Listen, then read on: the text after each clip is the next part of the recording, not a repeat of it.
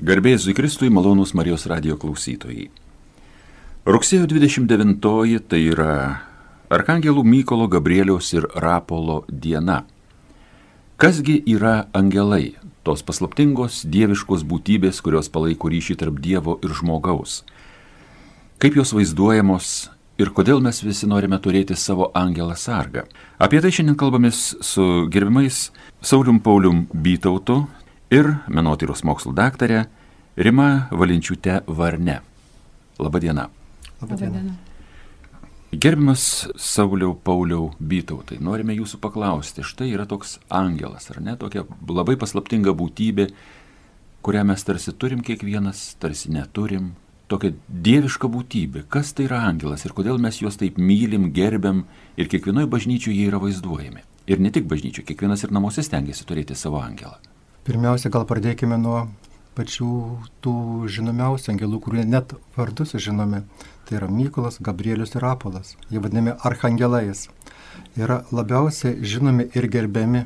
Pranašas Danielius vadina Mykolą galingojų didžiūnų, žydų tautos sargu. Apokalipsė jį vadina angelų kareivijomis, kovojusios su šitonu vadu. Gabrielius apreiškė Marijai, kad ji taps Dievo sūnaus motina Rapolas apie save sako, aš esu Rafelis, vienas iš septynių angelų, kuriems leista tarnauti viešpaties šlovės akivaizdoje. Bazilikos pastatytos Švento Mykolo garbėje Romoje, Salaro gatvėje, konsekracijos dieną yra švenčiami trys arhangelai, kurie šventojo rašto liūdėjimu turi ypatingas misijas, kurie dieną ir naktį tarnauja Dievui ir kurie kontempliuodami jo veidą neperstojimai jį garbina. Jeigu pakalbėtume apie Arkangelo Mykolo vardą, dažnai matome bažnyčioje užrašą Kvis ut Deus, tai yra kas kaip Dievas, kada įvyksta danguje kovoje tarp tų gerųjų Dievo dvasių angelų ir piktųjų dvasių.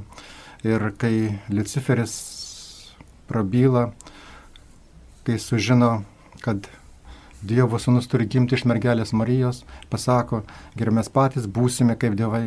Tada išstoja į priekį Mykolas Arkangelas ir taria, kas kaip Dievas ir visus juos nugramdina į pragaro gelmes. Taigi Arkangelas Mykolas yra viešpaties garbės gynėjas.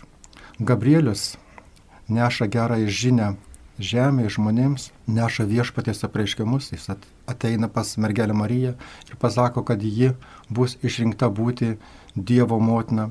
Arhangelas Rapolas yra kaip ir mediko globėjas, taip pat palidovas kelionėse. Iš Senojo testamento mes žinome apie sąžiningą jaunuolį Tobiją, kuris keliauja į svetimą šalį parnešti savo tėvų vaistų ir jį visuomet lydi jaunuolis kelionėje, kai jis pasako savo vardą, kad jis yra Arkangelas Rapolas jo tėvas pasveiksta, Tobijas laiminga gyvena savo žemišką gyvenimą, kadangi buvo ištikimi savo tikėjimui. Yra ir daug kitų angelų gradacijų, pradedant nuo angelų, archangelų, serafinų, kerabinų, sostai, viešpatystės, kunigaikštystės, kurios tarnauja viešpačiu prie viešpaties sostų. Ir kiekvienas iš mūsų norime ar nenorime, jaučiame, kad vienas balsas mumise kalba į gerą, kitas mus lenkia į blogį, bet mus saugo mūsų angelai sargai, kurie yra visume šalia mūsų ir kai mes su pasitikėjimu kreipiamės į juos, jie tikrai apsaugo nuo visokio nelaimų ir nemalonių. Taigi, taip sako gerbiamas brolis Saulis Paulius Bytautas. Temą apie angelus mes tęsime su e, gerbiama menotyrininko, mokslo daktarė Rima Valinčiūtė Varne. Jūs savo darbe, ko gero, susidūrėte su daugeliu angelų. Tiesiog tokių materialių, jau netų, kur mes kalbame, kaip sakant, bažnyčioje tuos angelus, kurie mus saugo, kurie neša žinę iš Dievo arba žinės iš mūsų Dievui. Va, bet jūs susidūrėte su tais materialiais angelais, angeliukais. Kokie tie angelai yra ir kokį jums labiausiai didžiausią įspūdį daro? Tai kaip ir šventajame rašte, taip ir mene dažniausiai ryškiausiai yra išskiriami tie trys arkangelai, tai Rapolas, Gabrielius ir Mykolas. Apie juos atskirai galima apie kiekvieną daug ir išsamei kalbėti. Ir dažnai yra vaizduojami serafimai, cherubinai, jie bažnyčių pašybai, praktiškai kiekvienoje bažnyčiai galime bent vieną angeliuką rasti. Na, kaip sakoma, angelų pulkai. Dažnai būna ir angelų pulkai, kaip pavyzdžiui, pažaislė, tikrai galima ir tris ratus angelų, ir, ir tikrai jau ten yra angelų pulkai kupolė ypatingai. O dabar žinau, kad Šventų Jurgio bažnyčioje restauruojamas angelų altorius, Šventų angelų altorius.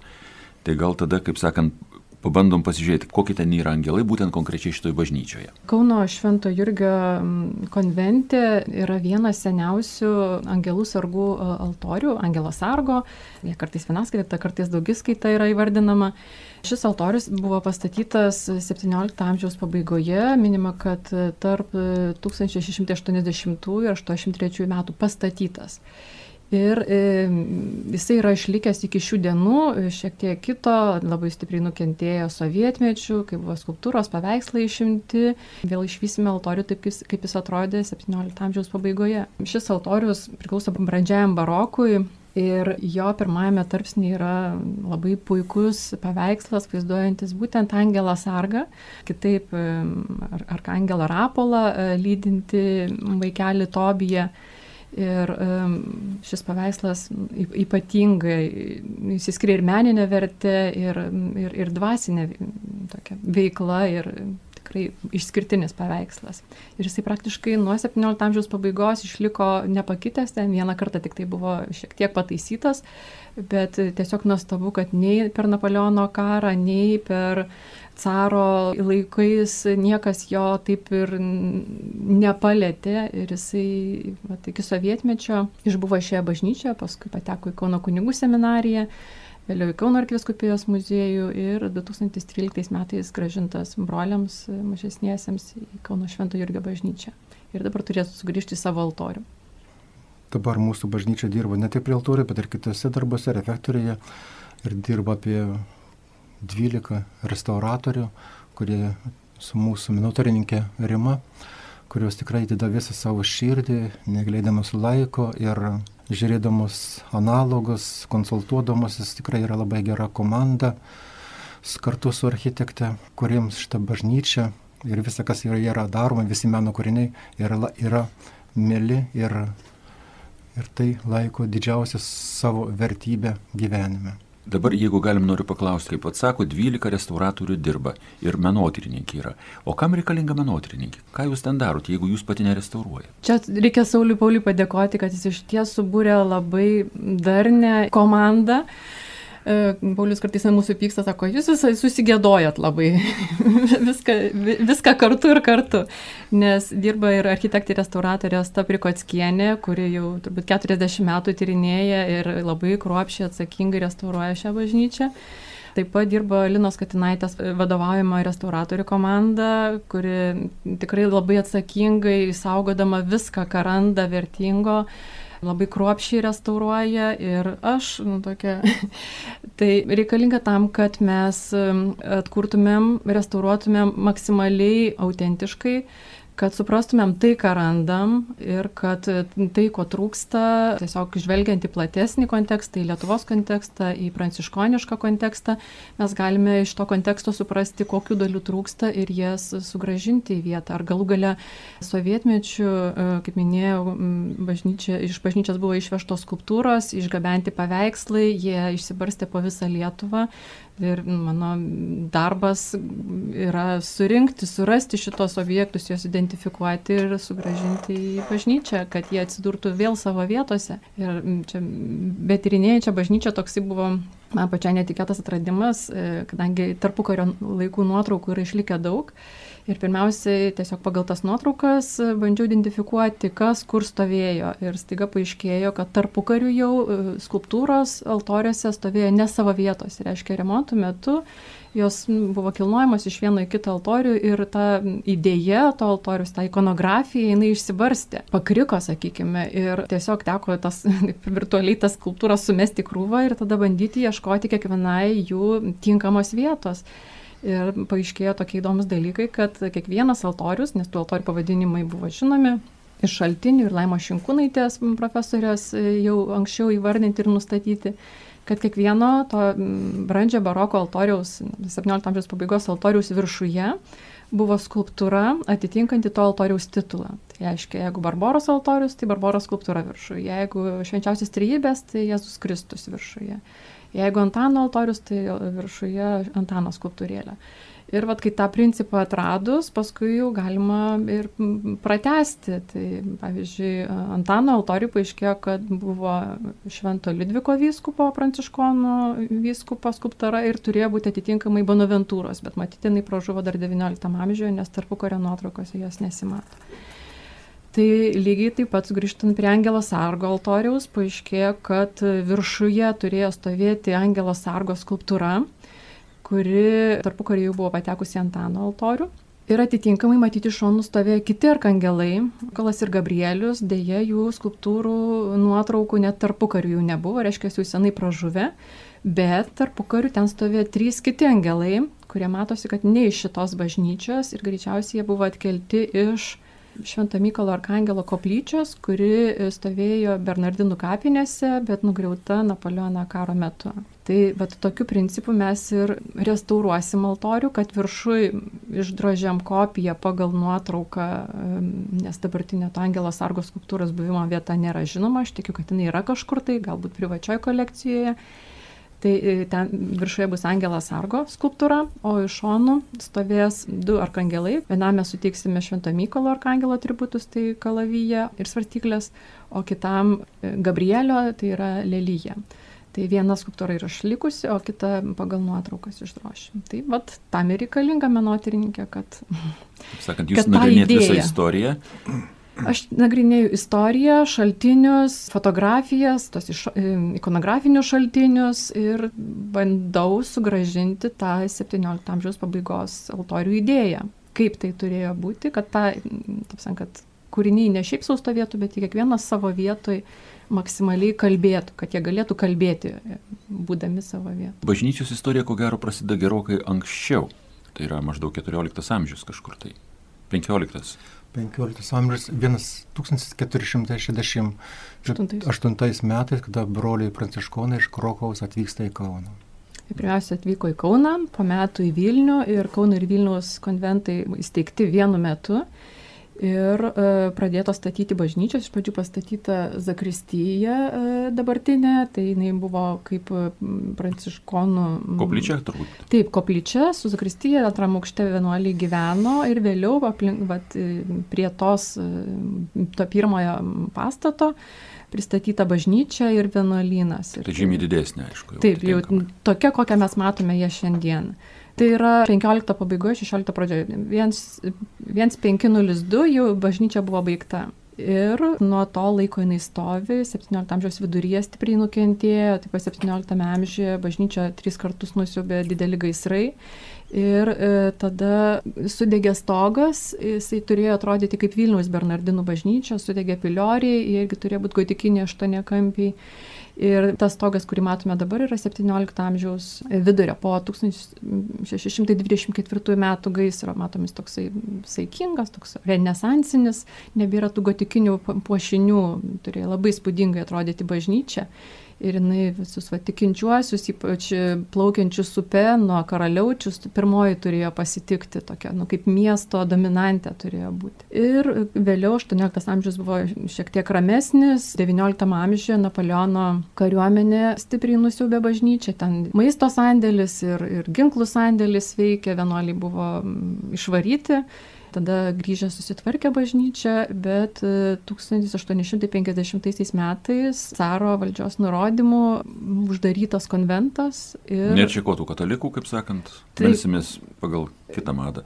Taip, e, bet jinai netapo cerkvė, ten dešimt metų tiesiog buvo kaip parapijos bažnyčia ir 1864 metais paskirta iš Varnių perkelta į Žemaičių viskupijos kunigų seminarijai.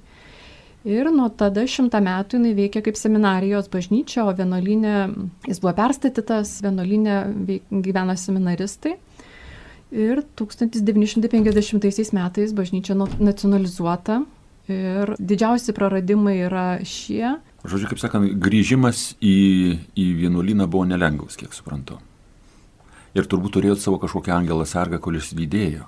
Tai sugrįžkim prie tos angelo temos vis dėlto. Kas tas angelas sargas ir kam jis reikalingas? Vat, kad jis, kaip sakant, per šimtus metų vis dėlto globoja ir kiekvieną žmogų, ko gero, ir, ir jūsų vienuolyje. Ir štai dabar toks, sakykime, na, aš manau, kad jūsų vienuolijos yra pakilimas šioks toks. Kadangi vėl jūs įsikūrėt savo senosiuose patalpose, vėl bažnyčia yra, atgauna savo didybę. Kaip sekasi jūsų vienuolyjei Kaune? Gal pradėsiu nuo to, nes mes minėjome evangelistą Matą ir šventas Augustinės apie evangelistą Matą kalbėdamas sako, kad evangelistas Matas išgirsta viešpaties žodžius, sek paskui mane, buvęs mūtininkas tampa viešpaties apaštalu ir viešpaties mokiniu ir sek paskui mane ne vien tik eiti iš paskos Jėzaus pėdomis, bet sekti jo darybėmis. Tai ir kiekvienam žmogui tas pas yra. Kiekvieną žmogų kviečia viešpat sekti paskui jį ir, ir ne tik sekti, bet taip pat ir sekti kiekvienam žmogui viešpatės darybėmis, kurias jis paliko mūsų šią žemę savo Evangelijos skelbimu, savo gerąją naujieną. Taigi ir mes visi stengiamės prisiminti savo angelų sargus ir mūsų bažnyčios angelą sargą, kad jie mus globotų, saugotų, vestų per šį žemišką gyvenimą, kad nenuklystume į klystkelius, kad išlaikytume savo tvirtą tikėjimą ir pasitikėjimą, kad nebijotume pradėti tuo darbų, kurie yra reikalingi, kad turėtume drąsos eiti į žmonės, taip pat ir skelbti gerai naujieną. Ir mes labai pajuntame angelų sargų, tą globą mums visiems, nes jais mes pasitikime. Ir kiekvienas, man atrodo, iš mūsų, jeigu mes tikrai tikime angelų sargų pagalba, kad jie gali mums padėti ir pagelbėti mūsų gyvenimo kelyje, nuo pat savo vaikystės, nuo pat savo mažų dienų, kai buvome išmokyti, tikrai jie su mumis bus ir per visą gyvenimą ir niekada mūsų nepleis ir pastumės mus į gerą kelią. Na va, viskas labai paprasta, kada mes tik tai patys įsivaizduojame, mes melžiamės, visą kitą įsivaizduojam savo, bet, savo angelą sargą. Bet e, konkrečiai, sakysim, menininkams ir, ir ypač restauratoriams reikia suprasti, o kaipgi tas angelas turi būti vaizduojamas, ar ne? Ir jūs, gerbima Rima, kalbėjote apie tai, kad čia buvo skirtingi stiliai, reiškia architektūros ir ko gero ir dailės. Tai buvo gotika, sakysim, ta ankstyvoji, 16 amžius kažkur tai, sakykim, o dabar jūs kalbate apie tai, kad arčiau renesanso. Tai kaipgi vaizduojamas angelas gotikoje, renesanse ir kaip jūs bandote atkurti va, tuos visus angelų altoriaus vaizdus? Konkrečiai angelo sargo, tai čia jau tenka mums kalbėti apie baroką, nes e, šitas altorius yra brandžiojo baroko ir paveikslas taip pat yra baroko ir atspindi baroko e, supratimą apie angelų sargus ir, ir kaip jie turi būti vaizduojamas. Ir tai labai atliepia tai, ką kalbėjo ir brolius Saulis Paulius, e, kad šiame paveiksle matome tokį didelį, puošnų gražų angelą sargą, kuris vaizduojamas kaip Romos kareivis su Romos kareivio drabužiais, tunika, tunikėlė, susijuosęs diržu, kuris simbolizuoja jo dvasinį pasirašymą tarnauti, taip pat susilaikymą ir skaistumą. Angelai sargai visada vaizduojami su diržu tokį susitvardymas. Taip pat jie vaizduojami su perlinėmis segėmis, e, tai ne šiaip pašybinis toks elementas, tai yra angelų darybių simboliai, tarp kurių tauriausias brangakmenis yra paklusnumas Dievui. Ir tas jo įvaizdis kaip Dievo kario, tai rodo jo nenulstamą kovą su, su demonais už, už žmogaus sielą, už jo pasiryžimą kovoti už žmogaus sielą. Ir šiame paveiksle konkrečiai Angelas Sargas, toks didingas, su galingais sparnais, švelniai globoja mažą vaikelį. Ir Tobijas kartais vaizduojamas kaip jaunuolis, bet šiame konkrečiai paveiksle, ir tai labai tiksliai atspindi baroko supratimą, tas vaikelis yra žmogaus siela, kur yra maža, trapi ir gali būti ir klystanti. Ir taip pat tarp to santykio didelio angelo sargo ir mažo vaikelio yra toksai pabrėžiamas sektinas pavyzdys, kad kiekvienas krikščionis turi būti paklusnus savo šventajam angelui sargui, kaip vaikelis motinai. Ir tas angelo didumas ir žmogaus mažumas taip pat primena apie Jėzaus žodžius, kad iš tiesų sakau jums, jei neatsiversite ir nepasidarysite kaip vaikai, neįeisite į dangaus karalystę. Taigi, kas pasidarys mažas kaip šis vaikelis, bus didžiausias dangaus karalystėje ta tradicija tęsiasi iki šių dienų.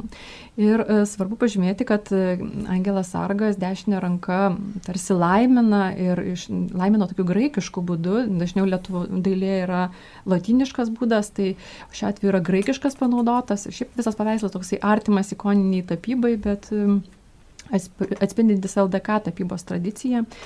Tai e, tas jo rankų gestas pabrėžia, kad e, trys yra viena, tai reiškia yra švenčiausias tarybės paslaptis ir taip pat iš to rankų judesio galima įskaityti Jėzaus vardą IHS, e, Jėzus žmonių išganytojas. Bet tuo pačiu to gestu, va, to laiminimo gestu, jisai rodo į viršuje nutapytą švenčiausiąją trejybę.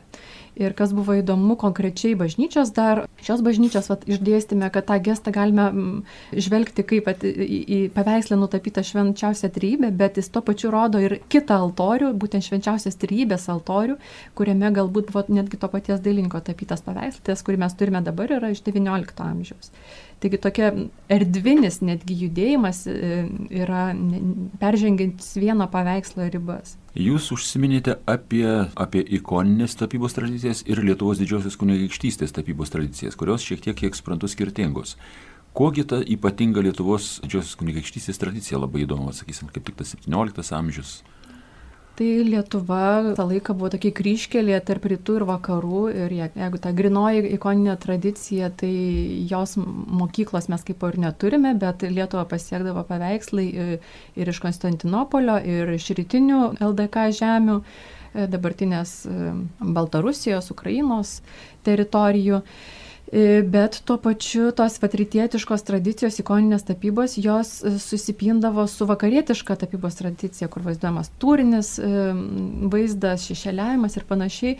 Ir, vat, ir šiame paveiksle matome tą sankirtą, susitikimą rytietiškos ir vakarietiškos, tai rytietiškai atstovautų toksai oficialus toks išdėstymas, auksuotas fonas, tokie netgi ikonų elementai, kaip ir minėtas graikiško laiminimo gestas O vakarietiškai, vakarietiškai e, tai turinis vaizdavimas, šešėliavimas ir kas yra labai įdomu ir unikalu šiame paveiksle, tai apatinėje dalyje yra miestas pavaizduotas, kurį mes galime suvokti kaip dangišką Jeruzalę.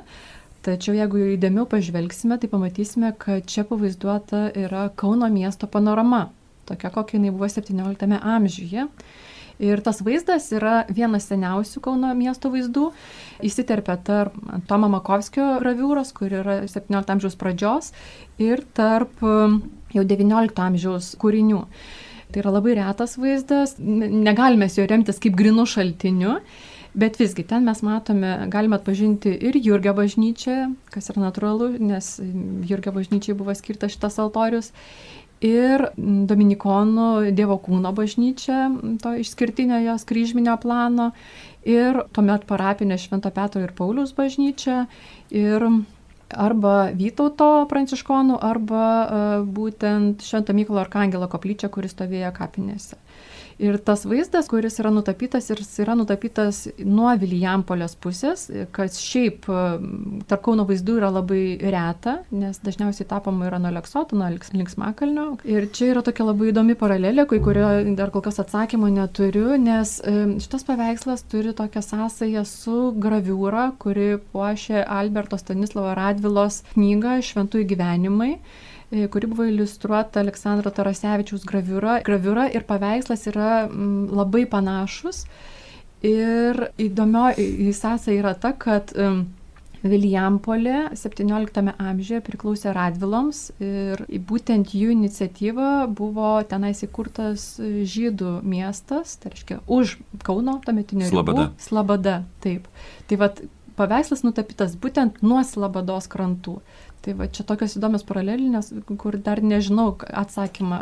Galbūt Radvila kažkaip tai prisidėjo prie šito altoriaus užsakymo. Galimas daiktas, kad dailininkai kažkiek arba tas pats dailininkas buvo, arba kažkoks tai yra bendravimas. Kažkoks tai, tai kažkoks bendravimas tikrai buvo, bet koks konkrečiai ar graviūra pagal paveikslą, ar paveikslas pagal graviūrą, nu, dar galutinai sunku pasakyti, nes panašu, kad vis tik paveikslas turėtų būti šiek tiek senesnis negu graviūra, taigi galbūt Tarasevičius kūrė graviūrą pagal paveikslą. Nes šitą altorių globojo laivovedžių cechas, e, laivavedžių brolyje, profesinė brolyje, tie, kurie vat, vesdavo laivus upe, e, Kaune, kaip žinia, Kaunas upių miestas ir priekyba upe ir transportavimas upe buvo vienas tokių skiriamųjų miesto bruožų ir šitas cechas buvo susivienijęs ir veikė prie Angelo Sargo brolyjos, globojo šitą altorių. Na taip, kadangi Kaunas Nemunų, sakysim, su, su Gardinu, su Nerimi, su Vilniumi, sostinės buvo tokios, Gardinas taip pat buvo sostinė tuo metu. Taip, ir Gardinas, ir Karaliučius irgi buvo. Prūsijos Kaunas tarp šitų trijų buvo labai tokio intensyvioj upių kryškelėje. Ir šita brolyje, kuri veikia Kaunė, jinai, e, laivavedžių brolyje, jinai yra seniausiai ir ilgiausiai veikusi Lietuvoje, nes taip pat žinoma, kad 10 e, metų brolyje laivavedžių veikia ir Vilniuje, bet tik 10 metų. Ir tokie paliudėjimai apie šios brolyjos veiklą yra iš 17 pradžios, tai reiškia, kad jie dar senes, ankstesnėme interjere turėjo savo altorių, nežinia tiksliai kurioje vietoje, bet e, yra paliudėjimai, kad 1617 metais pirmą kartą ir angelų sargų ir e, tur, greičiausiai laivavedžių brolyje yra minima. Ir ko gero tai buvo viena iš turtingiausių ne tik tai Kauno, bet ir visos Lietuvos organizacijų. Apie jos turtingumą nepasakyta. Turtingiausios. Nu, jeigu buvo... fundavo bažnyčią, tai turėjo. Ne, jie ne bažnyčią fundavo, jie tik tai altorių fundavo. Vieną, konkrečiai šitą. Taip, Jurgio bažnyčia pasižymė tokio brolyjų gausa. E, tuo metu buvo e, Kauno parapijos, dabartinė Kauno katedra Švento Petro ir Paulius ir Jurgio bažnyčia. Tai vad jos turėjo daugiausiai brolyjų ir tai rodo, kokie broliai buvo, kaip jie buvo nukreipti į miestą, nes įvairių laikų Jurgio bažnyčia veikia net aštuonios brolyjos ir jos turėdavo savo altorius, kurios globodavo galima suprasti, kad brolijos tuo metu neturėjo tokių kažkokių tai bendrų patalpų ir bažnyčia būdavo to bendro susibūrimo ir bendros maldos vieta, kur ir maldos kalbamos už išėjusius narius ir taip pat kas savaitę susitinkama šventoms mišioms ir e, taip pat vykdavo ir susirinkimai bažnyčios erdvėje. O dabar sugrįžkime vėlgi prie to altoriaus ir truputėlį pabandykime apie angelus pašnekėti. Na, sakysim, angelas, tai kaip sako moksliškai, tai antropomorfinė būtybė tokia, kurie nuo žmogaus skiriasi, pagrindinis dalykas tai yra sparnai. Vat kaip tie sparnai, kalbėti apie sparnai, vat, na, e, graikišką tradiciją, ikoninį, arba ten vat, Lietuvos didžiosios kunigaikštystės tradicija, kokie tie sparnai, ko, kuo jie ypatingi. Nuimsim sparnus, tai jau liks kaip ir paprastas žmogus, atrodo, ar ne, o tie sparnai. Kam tie sparnai, kaip jie vaizduojami, kuo jie ypatingi. Tai sparnai, kaip jūs ir minėjote, ir atskiria, ar tai yra angelas pavaizduotas, ar tai tiesiog žmogus. Viduramžiais labai gilintasi, labai kruopšiai tie sparnai tapyti ir vėliau labai daug dėmesio skirdavo dailininkai šių sparnų nutapimui. E, paskui apšvietos amžiuje paskaičiuota, kad neturėtų sparnai pakelti. Pagal aerodinaminės savybės, pagal savo dydį žmogaus pakelti neturėtų. Taip, bet lygiai tą patį galim pasakyti apie kamanę, ne? bet gera žinia, kad kamanė to nežino. ir skrenda. ir skrenda, laimingai skrenda. Ir ko gero, kaip sakant, nu, niekas nėra išmatavęs, ko gero, angelo kūno svorio, ar ten yra tas svoris ar nėra, ir kiek tas sparnas gali pakelti. Čia toks kažkaip nu, keistas labai mąstymas į tą pusę. Nu, kiekgi sveria angelas? Nu, Niekas ne, negali pasverti. tai kaip dabar su tais sparnais, kaip jie būdavo vaizduojami, sakysi, vienoje tradicijoje tradicijai, kitoje tradicijai ir būtent konkrečiai šitam altoriuje? Dažniausiai dailininkai užtapydavo juos kaip gali tik tai gražiau ir konkrečiai šiame altorijoje tokia įgulbė, sakykime, gal sparnus labai dideli, gražus, balti, labai kruopšiai nutapyti. E, viduramžiais būdavo dažnai tom visom spalvom, tarsi vaivorykštiniam nutapyti arba auks, auksiniai būdavo, tai čia jau būdavo dailininko išmonės reikalas, kuo puikiau nutapyti tos sparnus, nes tai yra ta nežemiška, nežemiškas segmentas. Na, jeigu, sakysim, yra kažkokia būtybė ir tarsi be sparnų, bet tarsi tokia sudvasinta, ar tai gali būti angelas ar ne? Jeigu sparnų nesimato, nu, sakysim, suskleidė už nugaros sparnus ar ne, ir sparnų nesimato, bet vis dėlto angelas. Kaip atskirti? Nu, šiaip neturėtų būti angelas būti be sparnų, nes tai yra jo esmė, e, pagal tai mes jį ir atpažįstame. Ir net, sakykime, ir kalbant apie skulptūrą, e, tą mano minėtą Angelą Sargą, kuri neišlikusi, tai jinai irgi yra be sparnų, bet žinoma be abejo, kad jinai privalėjo turėti sparnus, bet tiesiog iš kurio remonto metu jinai tos sparnus pametė. Tai mes bandysim sugražinti jai sparnus, kad tai vėl būtų atpažįstam, kad tai yra Angelas Sargas ir Rapolas. Na kągi, Angelas Sargas tikrai yra labai reikalinga būtybė, gerbimas broli Pauliau. Ar teko jums ar savo dvasiškos tarnystės metu ar savo žmogiškame gyvenime susidurti su angelais sargais. kaip tie angelai globoja žmogų, kodėl jie globoja, ar čia kiekvienas nusipelno jų globos, ar jį reikia pelnyti maldą ar savo dauro gyvenimu. Turbūt visi esame matę tokį Jėzos paveikslą, kur Jėzus stovi prie durų ir beldžia, kad žmogus įsileistų į savo namus, į savo širdį, į savo sielos gelmes. Taip pat ir Angelas Argas stovi prie mūsų, jis laukia mūsų atsiliepimo, mūsų širdies atvirumo ir jeigu mes išaukimės jo pagalbos, ar tai būtų maži vaikučiai, ar jau suaugę, tikrai jie bus visuomet su mumis, mūsų globos saugos ir ves per šį žemišką gyvenimą. Ir man atrodo, ne tik aš, bet ir kiekvienas iš mūsų patirime angelo sargo pagalbą mūsų gyvenime, jeigu mes jį prisimname, jeigu mes melžiamės į jį, jeigu mes prašome jo užtarimo ir pagalbos išspręsti mūsų žemiškuosius gyvenimo klausimus. Aš galiu pridurti paliūdėjimą apie konkrečiai šį paveikslą, nes kai jisai dar buvo Kauno arkiviskupijos muziejuje, jis buvo mūsų pirmasis kūrinys inventoriuje ir mes net norėjom jį savo kaip emblemą padaryti, bet kadangi vis ruseno viltis, kad paveikslai kažkada sugrįž pas brolius į jų bažnyčią, tai to nepadarėme. Bet galiu tik tokias savo asmeninę pasidalinti, kad buvo šeimoje tokia nelaimė, kai mano sunienas stipriai apdegė, kudikėlis būdamas ir sesė santariškių klinikose būnant, dar jis tada neturėjo vardo, sako, aš jam duosiu Rapolo vardą. Ir aš kažkaip tai pradėjau gilintis tą vardą ir staiga supratau, kad kad angelas sargas ir yra tas arkangelas rapolas. E, ir sakau, tikrai tada. Tinka. Tinka šito paveikslo vedamam, gal, gal jisai padės, nes rapolas, Rafaelis, reiškia Dievas išgydys. Tai, Ir mes tada pratom, kad reikia skubiai jį krikštyti, nes 30 procentų kūno nudegė, nubaisinė nelaimė, praktiškai kabėjo gyvybė ant, ant, ant plauko, ar, ar išgis, ar numirs. Ir paskambinam Vilniaus Bernardinams ir jie atsiuntė tuomet broli, m, mm, tokį jauną dar kunigėlį, m, broli Algi. Tai buvo pirmas jo krikštas, kaip paaiškėjo, nes jis turėjo sekmadienį krikštyti, bet čia mes už, užlindam beilės, jis irgi drebančiam rankom, prie to kudikėlio prijungto laidais jį pakrikštijo ir tai buvo dabartinis provincijolas Algirdas Malakauskis ir tai buvo jo pirmasis krikštas ir Dievas iš tikrųjų pagydė. Ir dabar puikus jaunuolis užaugo Rapolas. Krikštasunis, manau. Tai čia konkretus liudijimas yra. Konkretus liudijimas šito paveikslo naudai ir angelų sargų veikimo. O dabar pabandykim sugrįžti e, prie meno klausimus. Yra tie paveikslai, kuriuose, e, vėlgi jūs juos matote, lyginate. Lietuvoje labai daug yra tų visų angeliukų iš įvairių kraštų, kažkada dabar sodybos nyksta, kryžiai būna nebeprižiūrimi, ten kažkur tai apleistos bažnyčios ar kažkas, tai susidurs daug tų visų angeliukų. Kuo jie yra ypatingi? Kokie jie yra iš viso? Tai įvairovė visa, sakysim, kiek jūs jų turit, jų mačiusi, surinkusi? E, prisipažinsiu, kad e, ne aš, o mano kolegė, e, daktarė Raimondo Norkutė yra gilinusis į šitą klausimą. Aš tik tai, taip pat, kiek tai susijęs su, mhm. su Angelos Argo altoriumi, nes jinai yra parašęs disertaciją šio klausimu ir tikrai gali daug papasakoti apie angelus ir jų veikimą. Aš savo ruoštų galiu tik pridurti, kad net ir netikinti žmonės jaučia poreikį jausti tą Dievo globą būtent per angelų figūrėlės, skulptūrėlės.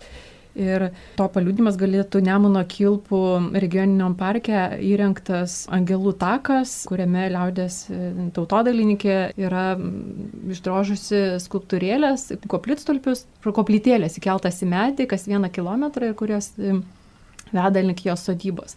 Tai toksai netgi tautodailėje tie angelai, ne tik bažnyčių gausybė, ne tik tai altoriuose, bet ir tautodailė turbūt yra vienas tokių populiariausių siužetų, nes ta Dievo globa jinai visiems reikalinga. Gerbiamas broli Pauliau, va dabar mūsų laida jau kaip ir truputėlį link, link pabaigos artėja.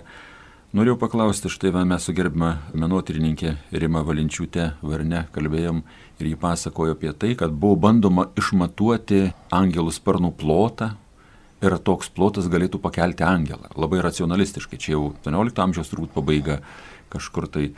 Vat, dabargi to racionalizmo, mokslo argumentų, reiškia tų mokslo didžiulių pasiekimų, kurie stebina žmonės labai yra daug, ar ne?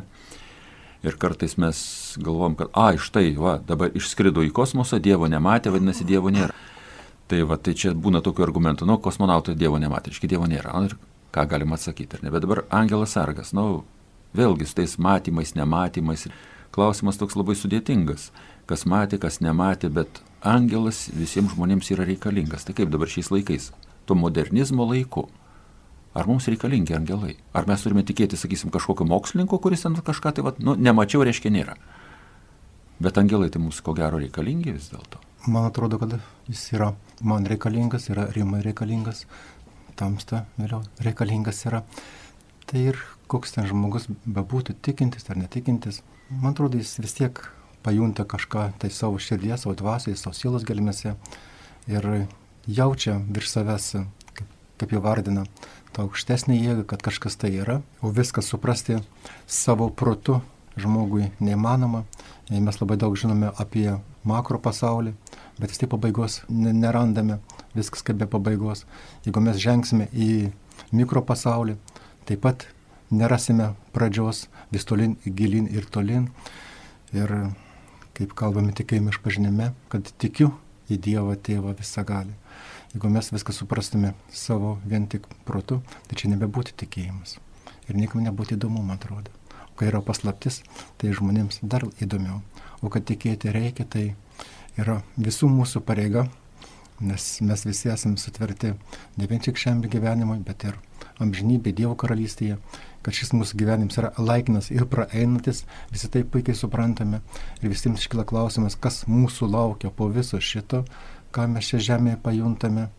Ir kad savo viduje, savo sielos galimės mes jaučiame dvasios pradmenis, būtent mūsų siela, žmogus keičiasi, būna vaikas, jaunuolis, brandos amžius, senatvė, o jo vidinis aš nesikeičia, tikrai žmogus tai supranta, tai žino ir kinam iškyla klausimas, kasgi laukia mūsų po viso šito.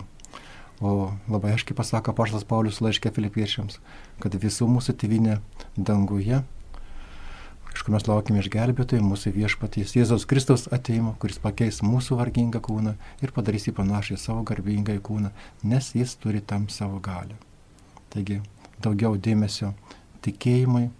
Taigi noriu šiais gražiais žodžiais ir užbaigti mūsų laidą ir noriu padėkoti, palinkėti sėkmės. Šiandien mūsų laidoje viešėjo gerbiama menotyrininkė, mokslų daktarė Riman Valinčiūtė Varnė ir taip pat brolis Saulis Paulius Bytautas. Ačiū sėkmės jūsų gražiame, prasmingame, dvasingame darbe. Ačiū ir su Dievu. Sudė.